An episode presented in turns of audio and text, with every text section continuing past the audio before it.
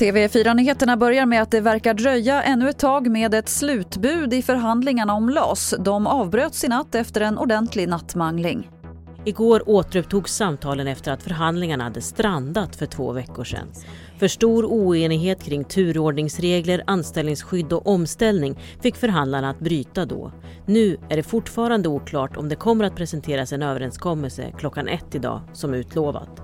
Enligt uppgifter är slutbudet som legat på bordet i natt väldigt likt det som förkastades för två veckor sedan. Reporter här var Jessica Josefsson.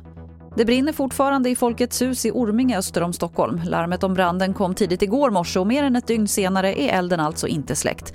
Enligt räddningstjänsten låter man nu byggnaden brinna ner under kontrollerade former och de räknar med att det kommer fortsätta brinna hela dagen idag. Till sist kan vi berätta att en 15-årig pojke ska ha uppmanats att ta av sig sitt kors han hade runt halsen när han skulle ta skolfoto.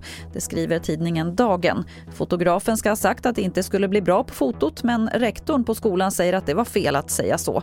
Det här har anmälts till Diskrimineringsombudsmannen. Det var det senaste från TV4 Nyheterna. Jag heter Lotta Wall.